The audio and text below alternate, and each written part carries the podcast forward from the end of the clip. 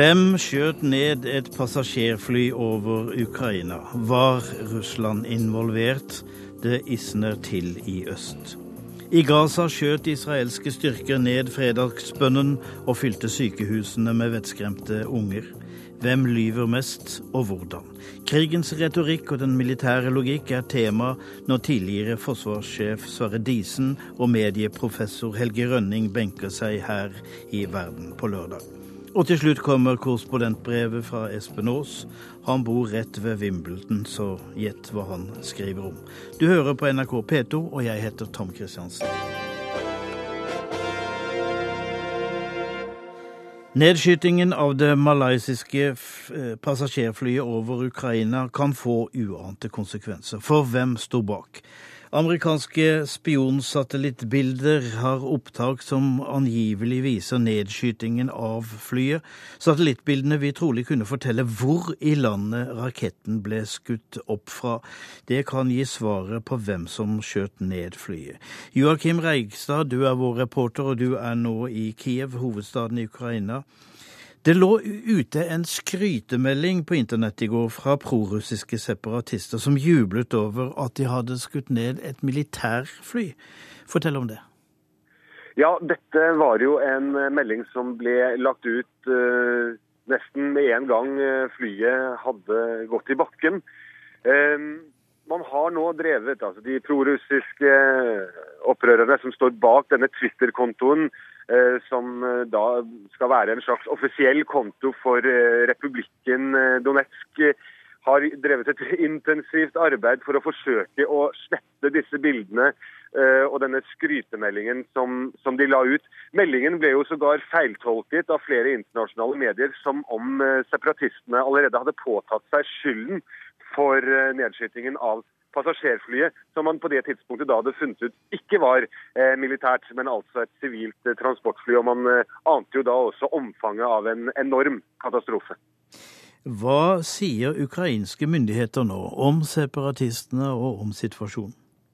Ukrainerne er jo knall tydelige på at dette ansvaret det ligger hos separatistene, med Russland i, skal vi si, i bakhånd eller som støtte for denne nedskytingen. De legger helt klart skylden dit og mener at det er helt usannsynlig å skulle skylde på Ukraina for dette her. I så måte så, så, går de også hardt ut og kritiserer det som skjer på ulykkesstedet nå. I går vet vi at det var OSSE-observatører som ikke fikk utføre sitt arbeid der nede. De ble beskutt, har de selv hevdet. Og så hevder nå også da ukrainerne i dag at, at prorusserne har fjernet flere lik. De snakker om 38 lik fra dette området, altså fra vrakstedet. Det betyr at Havarikommisjonen vil få store problemer da? Ja, det vil den helt sikkert få. ukrainske regjeringen har jo varslet at de vil være med og lede dette arbeidet, men har også åpnet for at andre lands havarikommisjoner og etterforskere kan bidra. Det er varslet at Malaysias transportminister skal komme hit til Ukraina i løpet av de neste par dagene.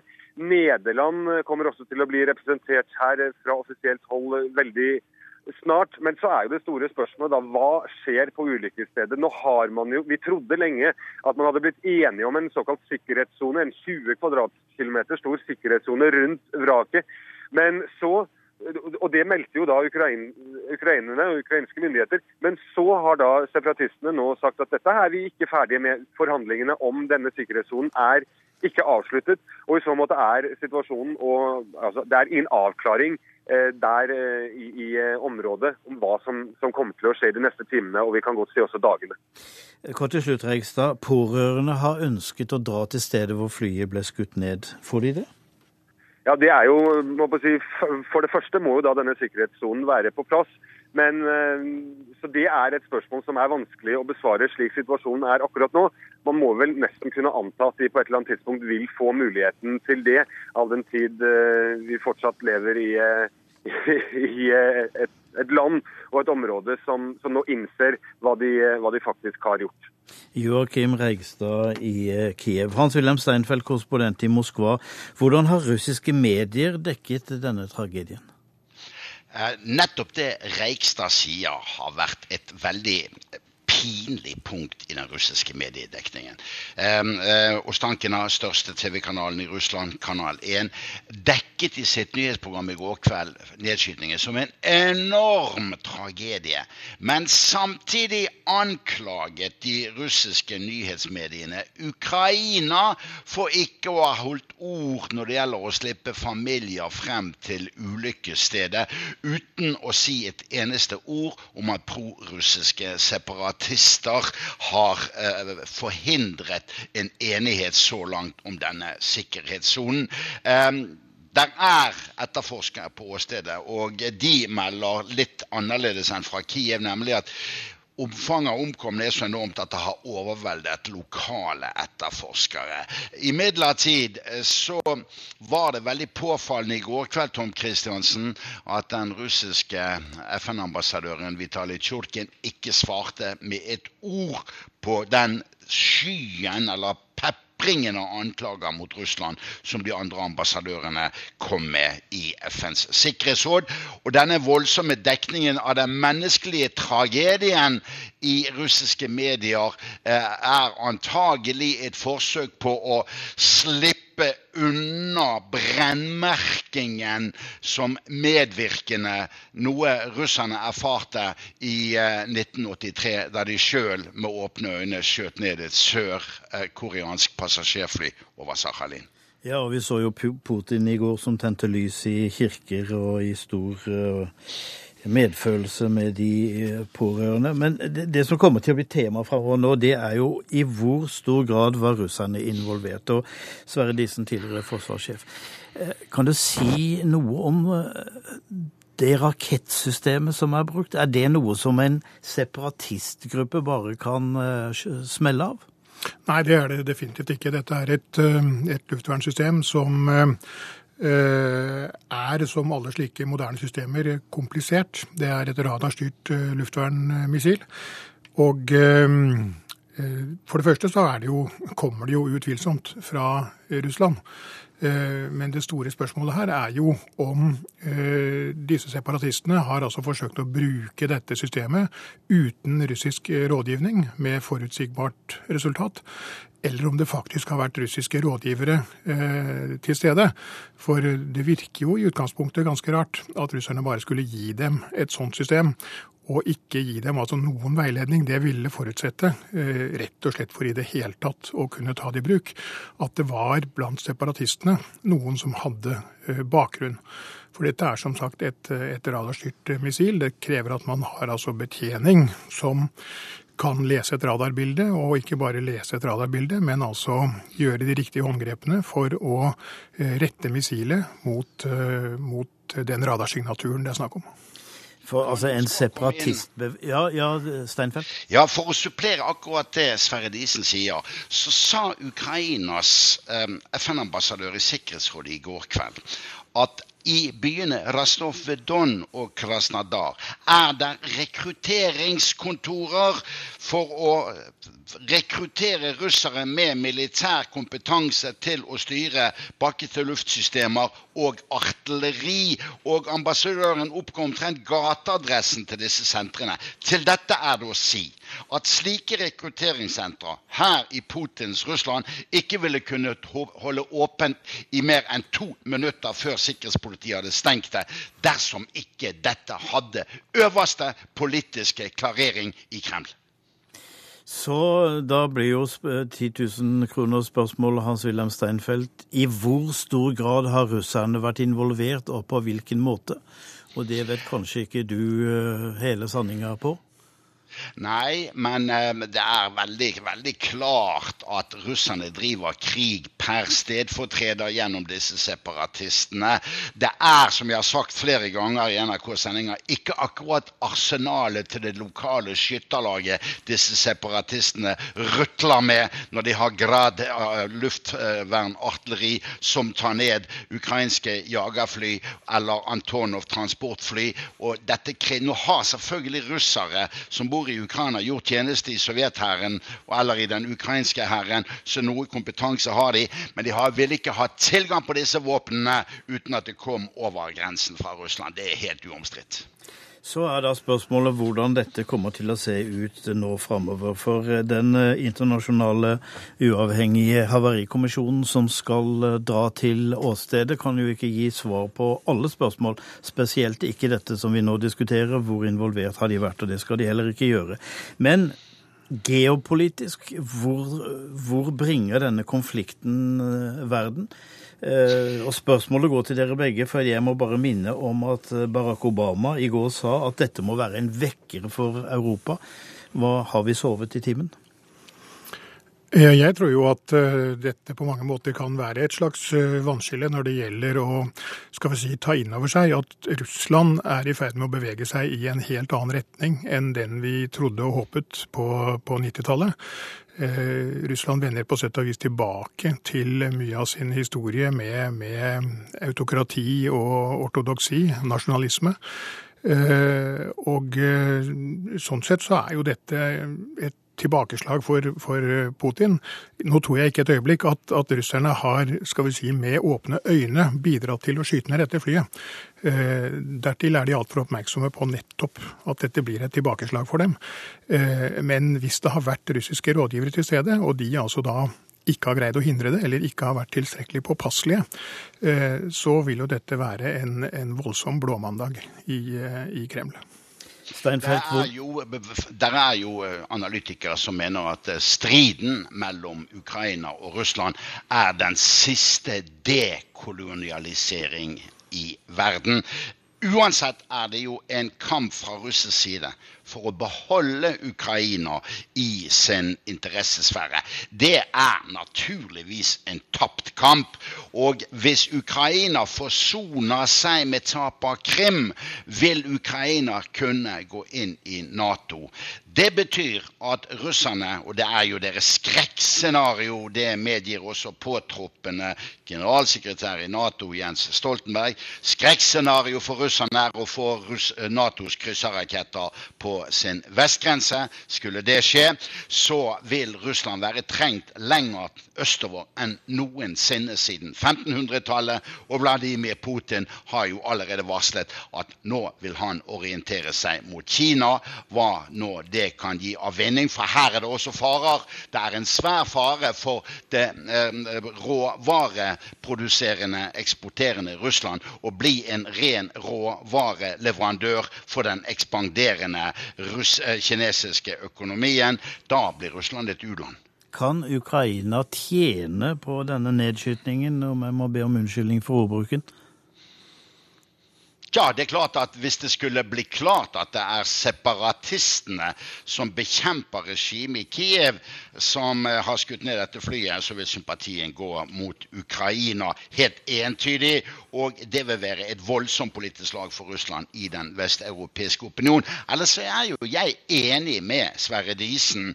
Eh, i at russerne altså de offisielle russerne, ikke med åpne øyne skutt ned dette flyet. De sparket sin egen forsvarsminister i sin tid etter nedskytningen av det sørkoreanske flyet over Sakhalin 1.9.1983. Og eh, da var det Gorbatsjovs Oslo-ambassadør Aleksandr Teterin som sa til meg vi tilga aldri forsvarsministeren at han ikke hindret den nedskytningen. Vi kan bare tenke oss samtalene på bakrommet i Kreml etter nedskytningen av det malaysiske flyet. Takk til Hans-Wilhelm Steinfeld og Joakim Reigstad, også til deg, Sverre Disen, men du blir sittende til neste sak.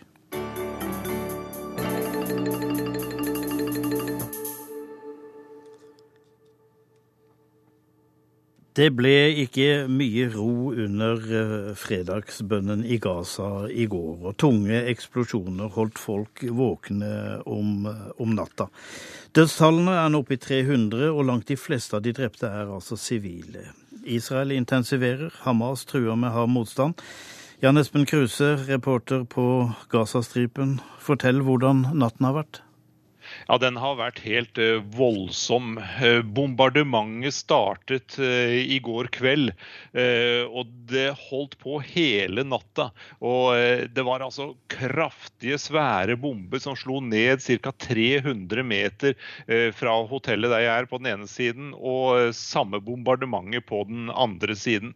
Det var så kraftig at hele dette hotellet sto og rista, hadde følelsen at bygningen svaia. maling, murpuss har falt ned fra veggen, eh, vinduene har løsnet fra rammene sine. Eh, det er altså det, er det voldsomste jeg har sett eh, hittil. Israel skulle tette palestinernes tunneler. Er det det de har holdt på med, eller gjør de mer? Ja, De gjør begge deler. altså Denne bakkeoperasjonen som de har satt i gang, eh, den virker som den holder seg i eh, grenseområdet. At disse stridsvognene og eh, soldatene ikke går veldig langt inn, ikke veldig dypt inn i Gazastripen. De holder seg i utkanten, virker det som. Og der er hensikten å ta disse her tunnelene, ødelegge tunnelene som Hamas har gravd. Det er det ene. Men ved siden av dette så pågår jo den voldsomme bombingen fra lufta eh, over hele Gazastripen. Altså, de bomber bygninger. Jeg tror det de bombet ved siden av hotellet her, kan ha vært et rakettlager for Hamas, eller det kan ha vært eh, steder hvor de har skjult sine utskytingsramper for eh, rakettene. I går så jeg at det ble skutt ut eh, raketter fra et eh, bygg eh, like i nærheten av hotellet her. Hamas sa at de israelske styrkene ville møte hard motstand. Er det det du nå beskriver? Nei, altså de holder seg jo til å, å, skyte sine raketter innover Israel. I, I, tillegg så har Hamas hatt eh, noen militante grupper der eh, i utkanten, der hvor eh, de israelske stridsvognene og soldatene er. Det kommer meldinger om at det er drept noen titalls Hamas-kjempere, og en del er tatt til fange. Men jeg tror nok at altså det er helt klart at den israelske militære overmakten den er kjempestor. FNs sikkerhetsråd har fordømt rakettskytingen mot Israel som Hamas har holdt på med. Gjør det noe inntrykk på Hamas? Nei, det gjør det overhodet ikke. De eh, oppfatter seg som uh, ofrene her, som blir utsatt for uh, israelsk undertrykkelse. Så de sier at de skal kjempe til siste mann, og at Israel kommer til å få veldig stor motstand hvis de nå går dypt inn på Gazastripen med sine stridsvogner og soldater. Det er eh, lørdag i Gaza, Jan Espen Kruse. Det blir vel ikke noen piknik på stranden? Nei, jeg tror eh, det tryggeste nå er å holde seg i nærheten av dette hotellet, hvor eh, israelerne utmerket godt vet at her er det mange journalister. Og, men, men, men, det bombardementet vi så nå, det har satt en støkk i veldig mange. Du var, du var, jo ute i går i all forsiktighet, og da var jo kampene konsentrert om grenseområdene. Men hvis stridsvognene og soldatene kommer til Gaza by, blir det jo en annen historie og mer dramatisk. Men anyway, Jan Espen Kruse tok med sin sjåfør og kjørte rundt i Gaza i går ettermiddag.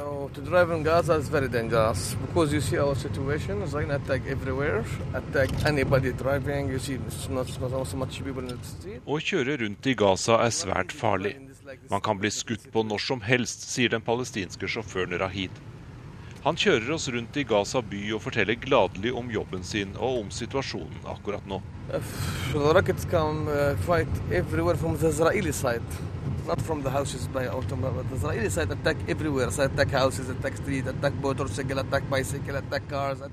De israelske rakettene kan komme når som helst og hvor som helst, sier Rahid. Han kjører rundt i en koreansk bil som har sett sine beste dager. Gatene er nesten folketomme, og de aller fleste butikkene og kafeene holder stengt. Den godt voksne sjåføren mener at usikkerheten er det verste. Folk på Gazastripen vet aldri når den neste eksplosjonen kommer. Uh,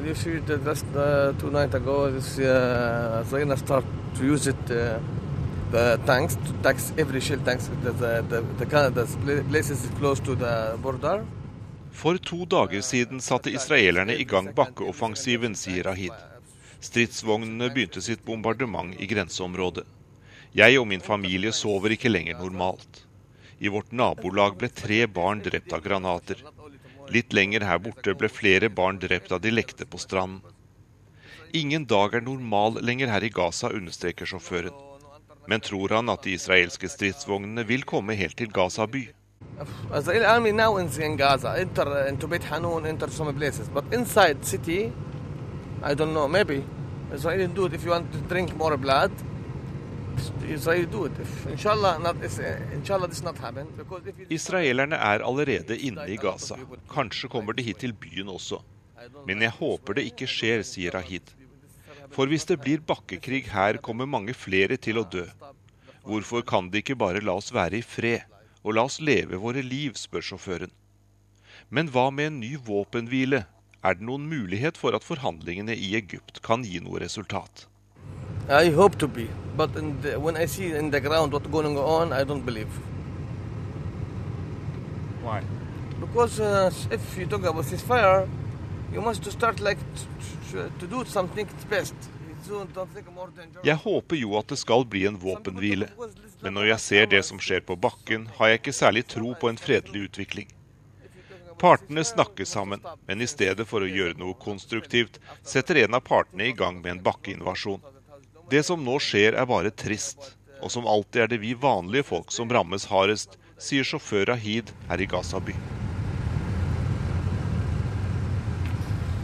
Og nå kommer det meldinger om at israelske soldater er i kamp med militante fra Hamas langs eh, grensa til eh, Israel. Vi får mer om det senere i løpet av dagen. Men hvem eier sannheten om Gaza? Ingen. Selv beskrivelser av konkrete hendelser er kontroversielle.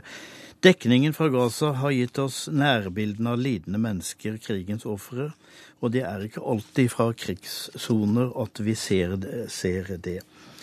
Eh, Sverre Disen, du sitter fortsatt her, tidligere forsvarssjef. Er det en strek i regninga for generaler at bildene av krigens forferdelighet kommer i avisene?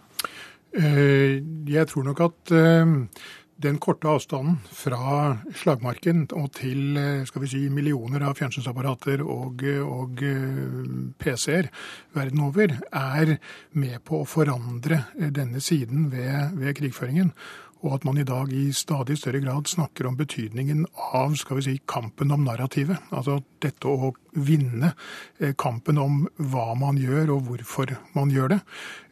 Den er nok blitt mer og mer sentral. Gjør det krigen bedre eller verre? Begge deler, vil jeg si. Altså, det er klart at Den har jo det faktum at, at, krigen så å si kommer inn i våre stuer og, og inn i vår hverdag på den andre siden av jorden.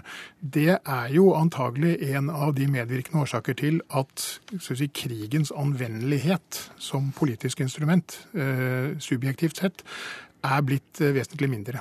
Det er ikke mulig å, å skal vi si, spare befolkningen, velgerne i siste instans, for krigens realiteter. Og det gjør at toleransen for krig som, som politisk maktmiddel er gått tilbake, i hvert fall i den vestlige verden. Men på den annen side så kan man ikke se bort fra at denne type reportasje og distribusjon på sosiale medier, hvor det ikke er noe redaktøransvar og ikke noen skal vi si, hemninger på mange måter, den kan jo også ha en, skal vi si, en inflammatorisk effekt som, som skaper en voldsspiral som faktisk gjør krigen verre. I ditt profesjonelle språk fins det verken blod eller lidelse dere i Forsvaret og i det militære snakker som kirurger. Er det en propagandatriks for å unngå at vi skal se hva dere driver med? Nei, det vil jeg si at det ikke er. Altså denne, denne litt, skal vi si, avmålte måten å omtale skal vi si, krigens realiteter på, den har vært der siden lenge før skal vi si, pressen begynte å bli nærgående. Det er mer den type skal vi si, profesjonell sjargong som, som, man finner i alle profesjoner som beskjeftiger seg med skal vi si, ubehagelige ting, også f.eks. i medisin. Helge Rønning, du er professor ved Institutt for medier og kommunikasjon. Hva er en balansert dekning av Gaza? Fins det noe sånt? Jeg tror ikke det egentlig finnes noen balansert diktning av noen krig. Jeg har lyst til å begynne med å sitere den eh, amerikanske journalisten Marie Colvin, som ble drept i Homs i Syria i 2012, som sa en gang at eh, det å dekke en krig, det betyr å gå, reise til et sted som er ødelagt av eh, kaos, ødeleggelse og død, og bære vitne om det som foregår og gjøre det på en måte som får folk til å reagere. Og jeg tror at noe av det som vi ser i Gaza, men som vi også nå har sett i Syria inntil nå Hvorfor har f.eks. Syria og Irak nå fullstendig forsvunnet? Ja, hvorfor? Ja, Det er fordi at eh, mediene har ett fokus, og det ene fokuset er nå på Gaza. Og det oppfatter jeg som ytterst problematisk denne sammenhengen. Fordi at krigen foregår fremdeles i Syria, og den er nå borte fra medienes sider. Og nettopp denne evnen til å få bildene av det som foregår under krigen, fram, det er ikke nødvendigvis balansert, men det er allikevel en viktig måte å være vitne og få vitne, vitnesbyrd for dem som skal se dette, om det som foregår. Og noe av det som jeg oppfatter som problemet i Gaza, det er bl.a. at her blir det en krig om hvilken sannhet som er sannheten. Er det den som kommer fra Israels side, eller er det det som foregår i Gaza? Og så kommer også, som Disen sa, hvilken rolle spiller så de såkalt sosiale mediene i denne sammenhengen? Hvor det foregår mye løgn. Vi har fått meldinger om at bilder fra det som har foregått i Syria, er blitt lagt ut som bevis på hva som foregår i Gaza. Og det foregår pga. at det er ingen kontroll med det som legges ut på de sosiale mediene. Er det noen som står bak dette? Er det, er det noen som styrer denne propagandaen? Selvfølgelig. Det har vi eh, fått vite dels gjennom eh, det som er kommet fram i forhold til eh, dem som støtter Hamas, men også i forhold til det som foregår i Israel, i måten det blir faktisk opprettet såkalte krigsrom, som da sprer andre bilder på nettet. Er det en ubalanse i dekningen av Israels bombing og uh, Hamas tusenvis av raketter over grensa til Israel? Jeg tror det er en ubalanse hvis man ut fra hvilket perspektiv man ser det.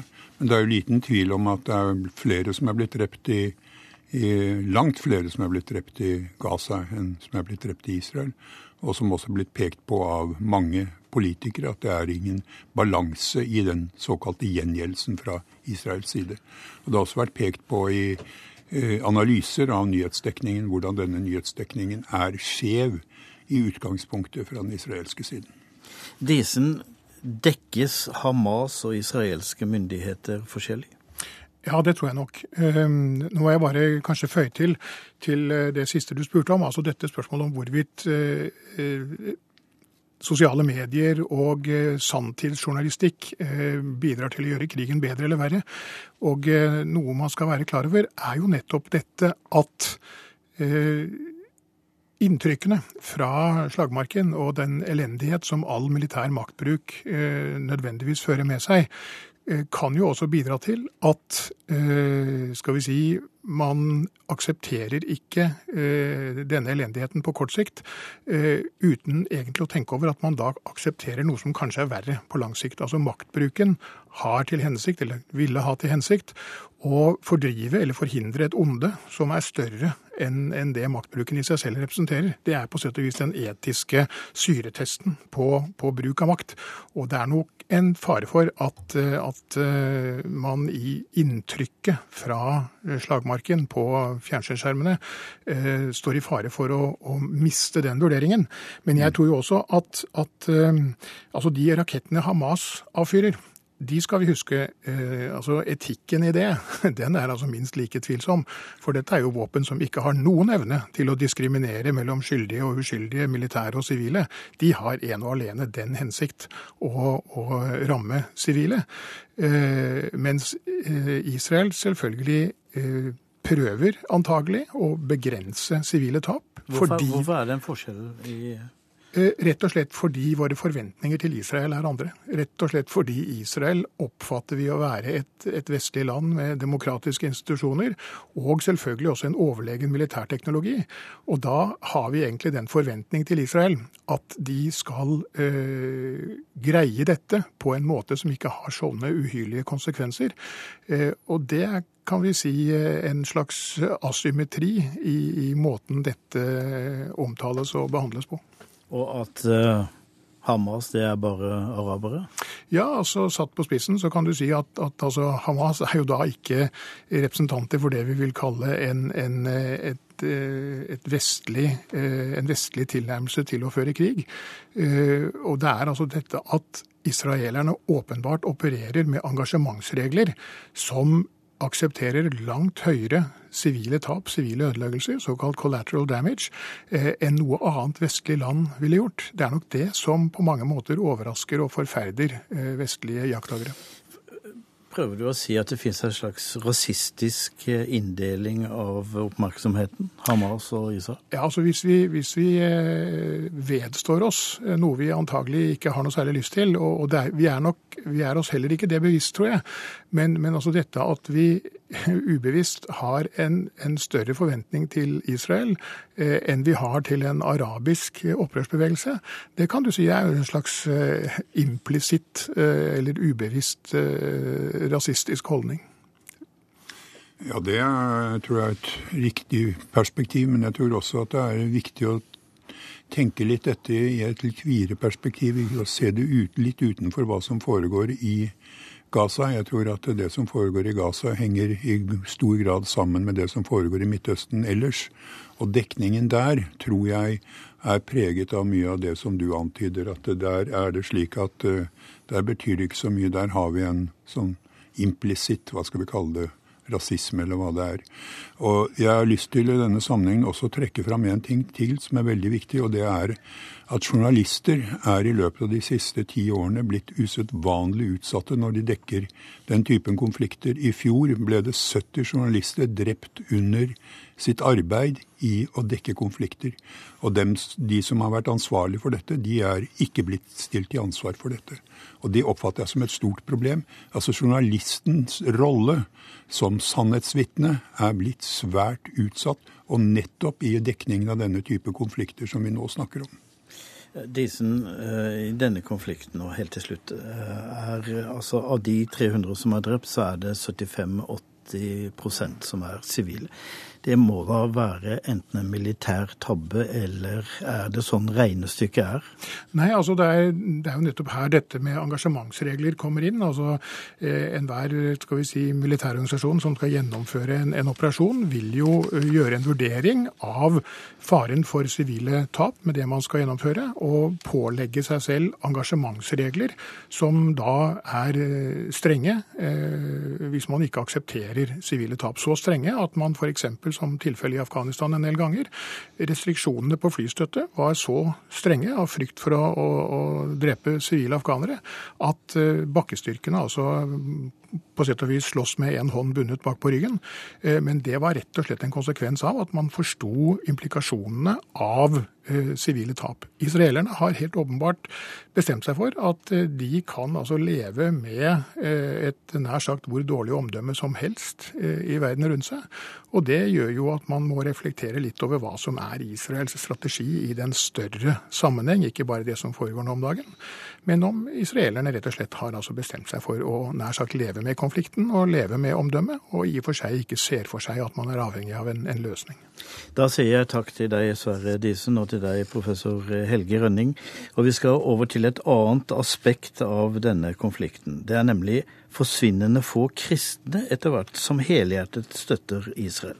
Kirkenes verdensråd, som representerer de protestantiske og ortodokse kirker, de har på det sterkeste fordømt bombingen av Gaza. Samtidig boikotter kirker over hele verden israelske varer som er produsert i de okkuperte områdene. Internasjonale kirkeledere har endog katalogisert okkupasjonsmakten som ondskap og en synd mot Gud. Kirken snur ryggen, altså til regjeringsmakten i Det hellige land.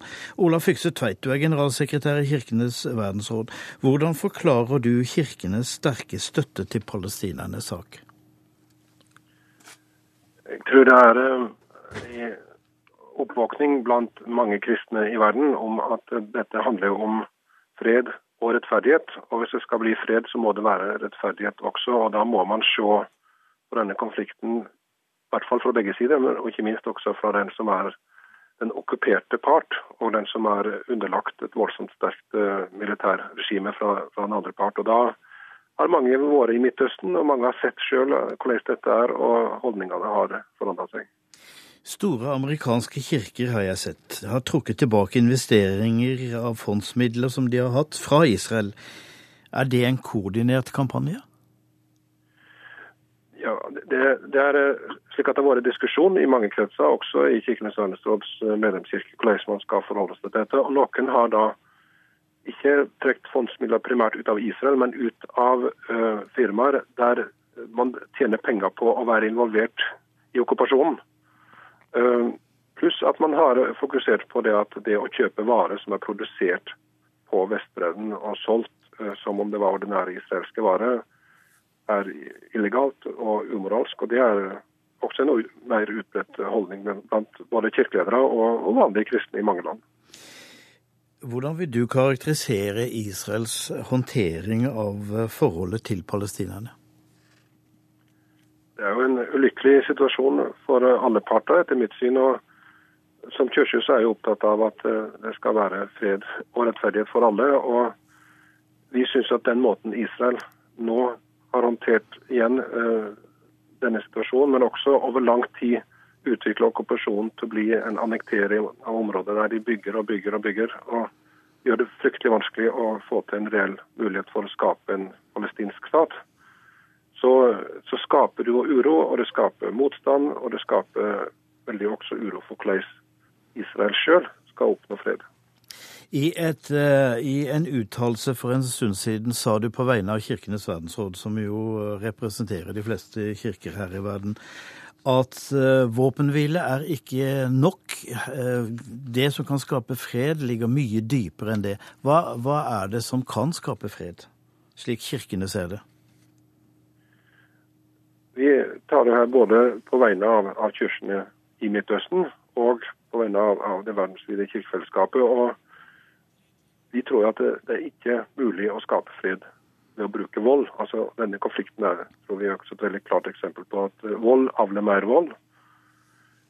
Man må finne løsninger langs politiske eh, samtaler. Langs, eh, prøve å finne en vilje til å finne hva er det som er felles interesse for de kommende generasjonene som skal leve sammen i dette området. Og Da må man være villig til å gå tilbake til eh, tidligere prosesser og spørre hvordan er det mulig å leve sammen på en rettferdig og fredelig måte. Og Da, da må man se på hva man faktisk vil med framtida sammen. Det er, det er, laget et dokument hvor de palestinske kirkeledere og andre uttaler seg, det såkalte Kairos-dokumentet. Eh, og Der står det at okkupasjonen er en ondskap og en synd mot Gud. I det heftet de har utgitt, er det bilde av deg. Norske kirke har vært med å betale dette. Er dette et eh, statement som du kan innestå for? Okkupasjonen er en synd mot Gud? Det er jo et moralsk aspekt ved, ved, en ulovlig okkupasjon. Dette er jo snakk om først om internasjonal lov. Men det å opprettholde den og alt, alt det medfører av brudd på menneskerettigheter, av begrensning av andres muligheter, hvordan skal en beskrive det enn at det er synd? Du eh, følger jo det internasjonale kirkebildet, men du har vel et, et, blikk på den kirken du selv kommer fra, også Den norske kirke. Og der har det også over årene kommet en, en markant endring i profilen. Meste vi hører om her, er konservative kristne som er på Israels side. Men Den norske kirke som sådan synes å ha et eh, annet ståsted. Ja, den norske kirke sammen med veldig mange andre kirker har jo hatt både diskusjoner over lang tid om dette her, men også forandra eh, perspektiv. Altså, etter andre verdenskrig så var det jo en veldig sterk sympati for staten Israel av forklarlige og historiske grunner, og at eh, kirkene måtte ha ansvar for antijødiske hets som har skjedd i kristendommens navn. Men det som har skjedd de siste åra, er jo også at flere har sett at eh, det som skjer i Israel, handler jo mye mer enn om vårt forhold til jødene, men det handler om en konflikt som der det er store tap, og det er en svært underlegen part i forhold til eh, makt og, og mulighet for å skapes i framtid. Dette, dette gjør at man også ser at eh, man kan ikke ha en ensidig støtte til staten Israels politikk. På annen side så har det ingenting med at man er imot jøder eller anti-israelske heller, for den saks skyld. Tvert imot, man ønsker jo å bidra til en, en varig fredsløsning for alle parter. Olav Fykse Tveit, generalsekretær i Kirkenes verdensråd, takk for at du ble med i Verden på lørdag.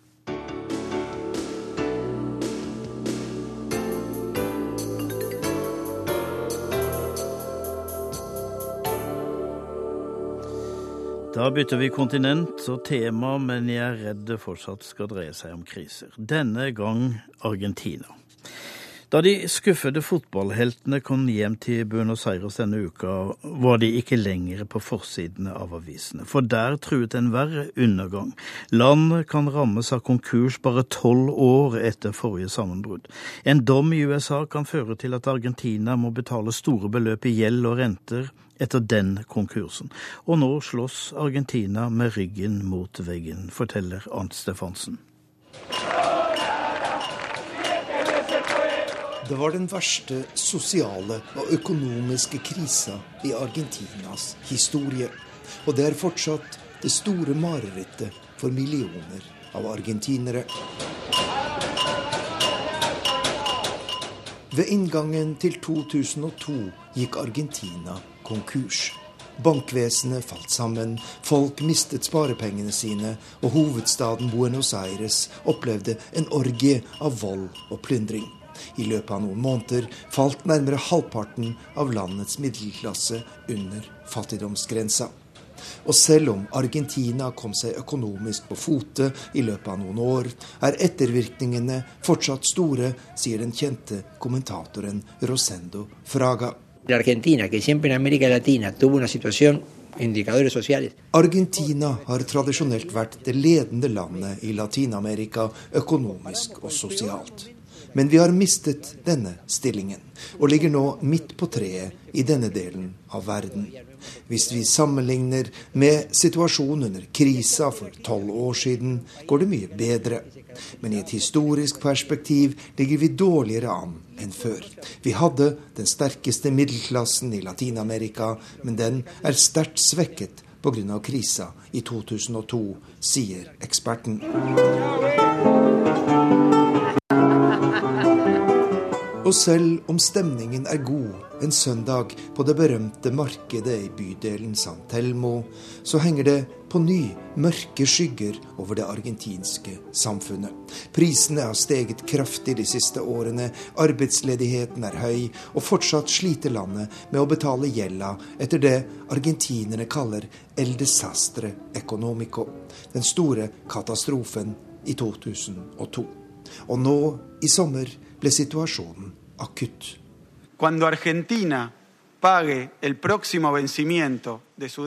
Argentinas økonomiminister Aksel Kisilov forklarer situasjonen etter at høyesterett i USA har gitt en gruppe amerikanske kreditorer medhold i en årelang strid med den argentinske staten. Dommen innebærer at Argentina nå må tilbakebetale et beløp som er mer enn halvparten så stort som alle landets valutareserver. Det betyr at den argentinske staten trues av en ny konkurs som kan få fatale følger for befolkningen, sier økonomiministeren. Innbyggerne i den argentinske hovedstaden Buenos Aires protesterer mot dommen i USA og frykter det verste. Etter at Argentina fikk til en avtale med 93% av sine kreditorer, har landet nedbetalt sin gjeld punktlig.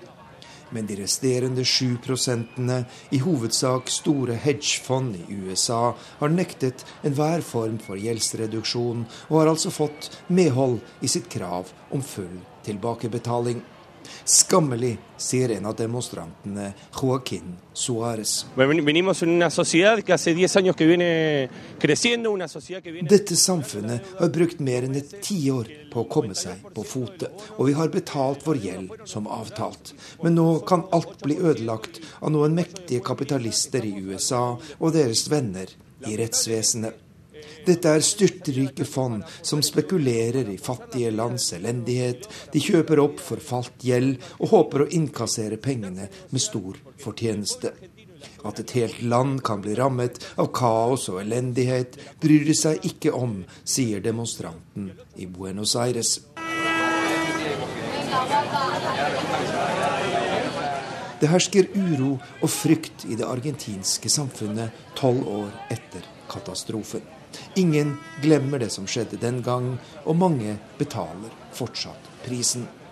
Vår regjering vil kjempe med alle lovlige midler mot denne dommen, sier Argentinas økonomiminister. Argentina ønsker å fortsette å betale sin gjeld, slik vi har gjort punktlig i snart ti år. Men etter dommen i USA får vi ikke lov til dette. Nå gjelder ikke lenger våre betalingsavtaler, fordi mektige amerikanske fond har krav på å få penger før de andre. Det er en situasjon uten sidestykke, og det er en situasjon som setter vårt lands økonomi, og dermed våre innbyggeres velferd, i den ytterste fare, sier den argentinske økonomiministeren Aksel Kisilov.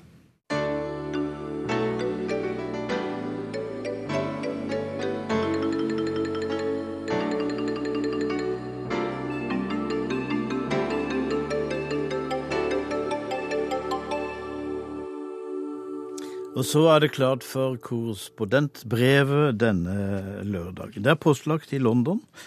Brevskriveren er Espen Aas, og han bringer en lett duft av jordbær, champagne og pims, og en liten redsel for økonomien. Hadde jeg spurt en sju-åtteåring i mitt norske nabolag om hva backhand, serve eller forehand er, ville det raskt blitt møtt med et spørrende blikk. Spør jeg en sju-åtteåring her i mitt engelske nabolag, kan jeg få det sirlig forklart.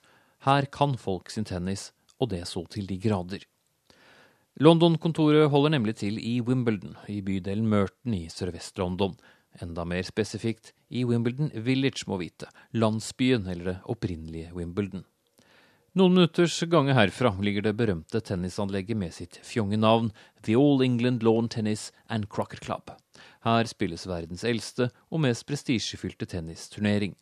Som du skjønner av navnet, har det ikke bare handlet om tennis. Det startet med krokket, men tennis vokste seg raskt frem til å bli en svært populær sport, og Wimbledon-turneringen har blitt spilt her siden 1877, altså i 137 år. Og som navnet tilsier, lawn tennis, det spilles på gress. Wimbledon-turneringen er den eneste av de fire store Grand Slam-turneringene som spilles på nettopp gress. De andre går på hardt underlag. Forventningene her i Storbritannia var enorme til deres egen tittelforsvarer, skotske Andy Murray, som vant mennenes singelfinale i fjor.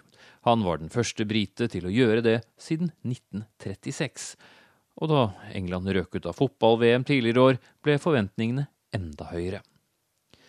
Vi lokale innbyggerne merket turneringen lenge før den i hele tatt begynte. Bydelen varslet om kommende parkeringsrestriksjoner, så kom tilbudene fra private agenter som gjerne ville leie ut oppkjørselen vår til parkering. Parkering er big business her i løpet av de to ukene turneringen varer. Overalt henger det små hjemmelagde skilt hvor parkering tilbys mot betaling. Andre leier ut hus og ledige rom. Det er jo fullt på hoteller og overnattingssteder. Også i lokalbutikkene merker vi tennisfeberen tidlig. Her i Wimbledon Village har vi en hovedgate, en liten gate i London-målestokk, med en god samling hyggelige puber, kafeer, restauranter, småbutikker og mer. Også vår egen landhandel, faktisk. Plutselig begynte det å dukke opp tennisballer, tennisracketer og champagne i vinduene deres. Masse tenniseffekter. Snart så eiendomsmegleren minst like sportslig ut som tennisbutikken. Det henger tennisnett som skiller inne- og uteområder på serveringssteder, det henger racketer over hodene på gjester, og små varder av stablede tennisballer er å se overalt, for ikke å snakke om disse mengdene altså med champagneflasker i tennisballgrønt og rosa. For virkelig å toppe det hele har også den russiske tennisstjernen Maria Sharapova leid et butikklokale midtveis i gaten, hvor hun har en filial av sin sukkertøy- og godterikjede Sugarpova. Det har ikke manglet på gjester. Jeg tipper at overskuddet er ganske søtt også. Nede i det moderne Wimbledon, noen minutters gange ned en bakke, handler det meste også om tennis. Stedets store kjøpesenter heter for øvrig det samme som hovedbanen på Wimbledon, Center Court, og har selvsagt en rund fasade ut mot hovedgatene. En av pubene i nærheten heter for sikkerhets skyld Hand and Racket, osv. Det er Storbritannias definitive tennisområde. Vil du lære deg spillet, finnes det en mengde tilbud. I barnehagen til min yngste datter har de tennistrening én gang i uken. Skolebarn tar gjerne timer i tillegg til andre aktiviteter. Den tyske tidligere tennisstjernen Boris Becker bor i området. Han vant for øvrig singel for menn hele tre ganger i andre halvdel av 80-tallet. I tidligere tider bodde også kjente tennisspillere som brødreparet Laurie og Reginald Doherty her, begge med en rekke seire på samvittigheten, både i Wimbledon og i OL og andre steder, så det er referanser så langt øye og øre rekker, eller var det rekkert. Selve turneringen startet 23. juni. Gjennom hele helgen i forkant tøt det inn folk fra alle kanter som mulig, og i to samfulle uker var det nesten som å bo i en musikkfestival, en sammenhengende fest fra tidlig morgen til sen kveld. Alle puber var kronisk fulle hver eneste kveld. Min foretrukne sushileverandør kunne melde om at deres romslige lokale hadde alle bord bortbestilt gjennom hele turneringen. Mitt foretrukne lunsjsted var fort utsolgt på det meste lenge før det ble lunsj. Og de ansatte ristet bare på hodet av kjøret, men mest av alt var det en fantastisk stemning.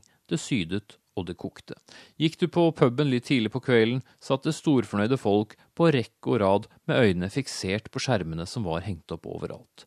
Ja, selv utendørs mange steder henges det opp enorme skjermer, slik at alle skal få sett, enten ved anlegget eller i sentrum av Wimbledon.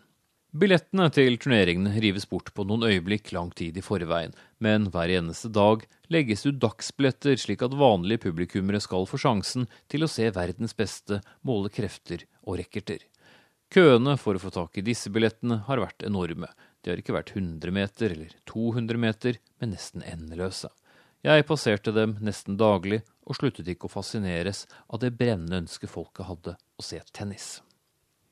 Dagsbillettene forsvinner også like raskt som de kommer. Folk ligger i telt om natten og står i kø om dagen. Ingen vet å stå i kø som engelskmenn, selvsagt, så det hele foregår i svært ordnede former. De går i kø fra banen eller toget, og så står de i kø til de forhåpentligvis til slutt får noen billetter. Og gjør de det, så er det et lite eget eventyr som venter på innsiden av de grønne portene. For turneringen er noe helt for seg selv. Det er tradisjoner og atter tradisjoner som holdes i hevd på mest mulig andektig vis. Spillerne får kun ikle seg helt hvite klær, og vi snakker virkelig hvite. Det er ikke engang lov at eventuelt fargesprakende undertøy kan skimtes gjennom. For store leverandørmerker på skoene eller fargede såler kan skape problemer for spillerne. Antrekkene skal godkjennes lang tid i forveien av arrangøren. Også publikummerne vet å pynte seg når de kommer for å se på. Det er jo tross alt litt som å gå i et selskap, det hele. Mulighetene kan være store for å dukke opp på TV-skjermer, og ingen vil jo ta seg dårlig ut når det også er et jevnt sig av kjendiser og kongelige til turneringen. Hertuginne Camilla Cornwall, altså prins Charles utkårede, var tidlig her. Siden kom prins William og hans Kate. De valgte en fryktelig dag å komme på, jeg skal forklare den om litt. Ellers har det vært opptil flere stjerner fra film og TV og en rekke idrettsstjerner, deriblant David Beckham. Matbutikker er gjerne ribbet tidlig, da køståret har bunket opp med mat og drikke for å holde ut all ventingen. På innsiden av portene døyves det også tørste. Tennis er ikke akkurat noe avholdsarrangement, det kan jeg love deg. Jeg har allerede nevnt de mange champagneflaskene som står utstilt i vinduene. Det er ikke uten grunn. Champagne og jordbær er på sett og vis de to viktigste ingrediensene hva inntak angår. Det, og i senere år den pussige drikken Pims, med to m-er, må vite. Dette er en gammel drikk som slo gjennom på 1800-tallet, som nå har fått ny renessanse. En ginbasert drikk som blandes med limonade, krydder og sitrusfrukter. Den forsvant fra folks bevissthet og interesse på 80-tallet, men så kom det en aggressiv markedsføring for om lag ti år siden og gjorde den superpopulær. It's Pims Clock, het det i reklamen, og det gikk rett hjem hos tradisjonstro engelskmenn. Skjønt i år viste Pims seg å bli noe omstridt. Prisen for et plastbeger av denne drikken gikk nemlig opp med 20 pence fra i fjor inne på tennisanlegget. Et plastikkglass selges for 7 pund og 80 pence, altså litt over 80 kroner, men så smaker det knapt alkohol av den, det smaker mest som en litt pussig saft. For 80 kroner glasset, altså plastglasset. Det endte med at den seriøse avisen The Sunday Times fikk drikken laboratorietestet, og kunne i et oppslag for noen helger siden avsløre at når isen hadde smeltet, så besto denne pimsen kun av én del pims og ni deler limonade og vann mens produsenten anbefaler på sin side blandingsforholdet 1 til 3. Skandalen var et faktum. Da Andy Murray vant Wimbledon-turneringen i fjor, var det starten på en lengre opptur her i Storbritannia. Vi hadde den flotteste høsten på mange år, økonomien begynte å ta seg opp, folk handlet og humøret steg. Flere pekte på at innsatsen hans på tennisbanen, kombinert med en viss prinsefødsel noen uker senere, var det som satte i gang den etterlengtede økonomiske oppturen. Så hva skal vi forvente nå? Murray ble jo slått ut allerede i kvartfinalen. Det var den dagen prins William og Kate var her. Noe som ingen hadde forventet skulle skje, så derfor blir det ingen britisk mester i år. Og før dette led som nevnt landslaget altså nederlag tidlig i fotball-VM, og til tross for mange ubekreftede rykter om hertuginne Kate, så er det ikke noe baby på gang med det første. Seieren til Andy Murray i fjor fikk angivelig folk til å gå ut og bruke penger og kose seg ekstra. Vil tapet i år føre til det motsatte? Og hva skjer med Pims neste år? Går den opp til åtte pund blank per plastglass, men er like utvannet? Tradisjoner må voktes vel i det gamle imperiet. Og der setter eh, verden på lørdagsstrek. Minner om at i Ukraina er myndighetene i ferd med å hevde at de prorussiske separatistene har fjernet lik fra stedet hvor passasjerflyet falt ned. I Gaza er israelske styrker i kamp med Hamas-soldater, og Hamas hevder de har angrepet israelerne bak deres egne grenser. Mer om dette i nyhetene utover dagen. Verden på lørdag setter strek. Teknisk ansvarlig Eli Kyrkjebø, skript Susanne Sundbakke. Jeg heter Tom Kristiansen.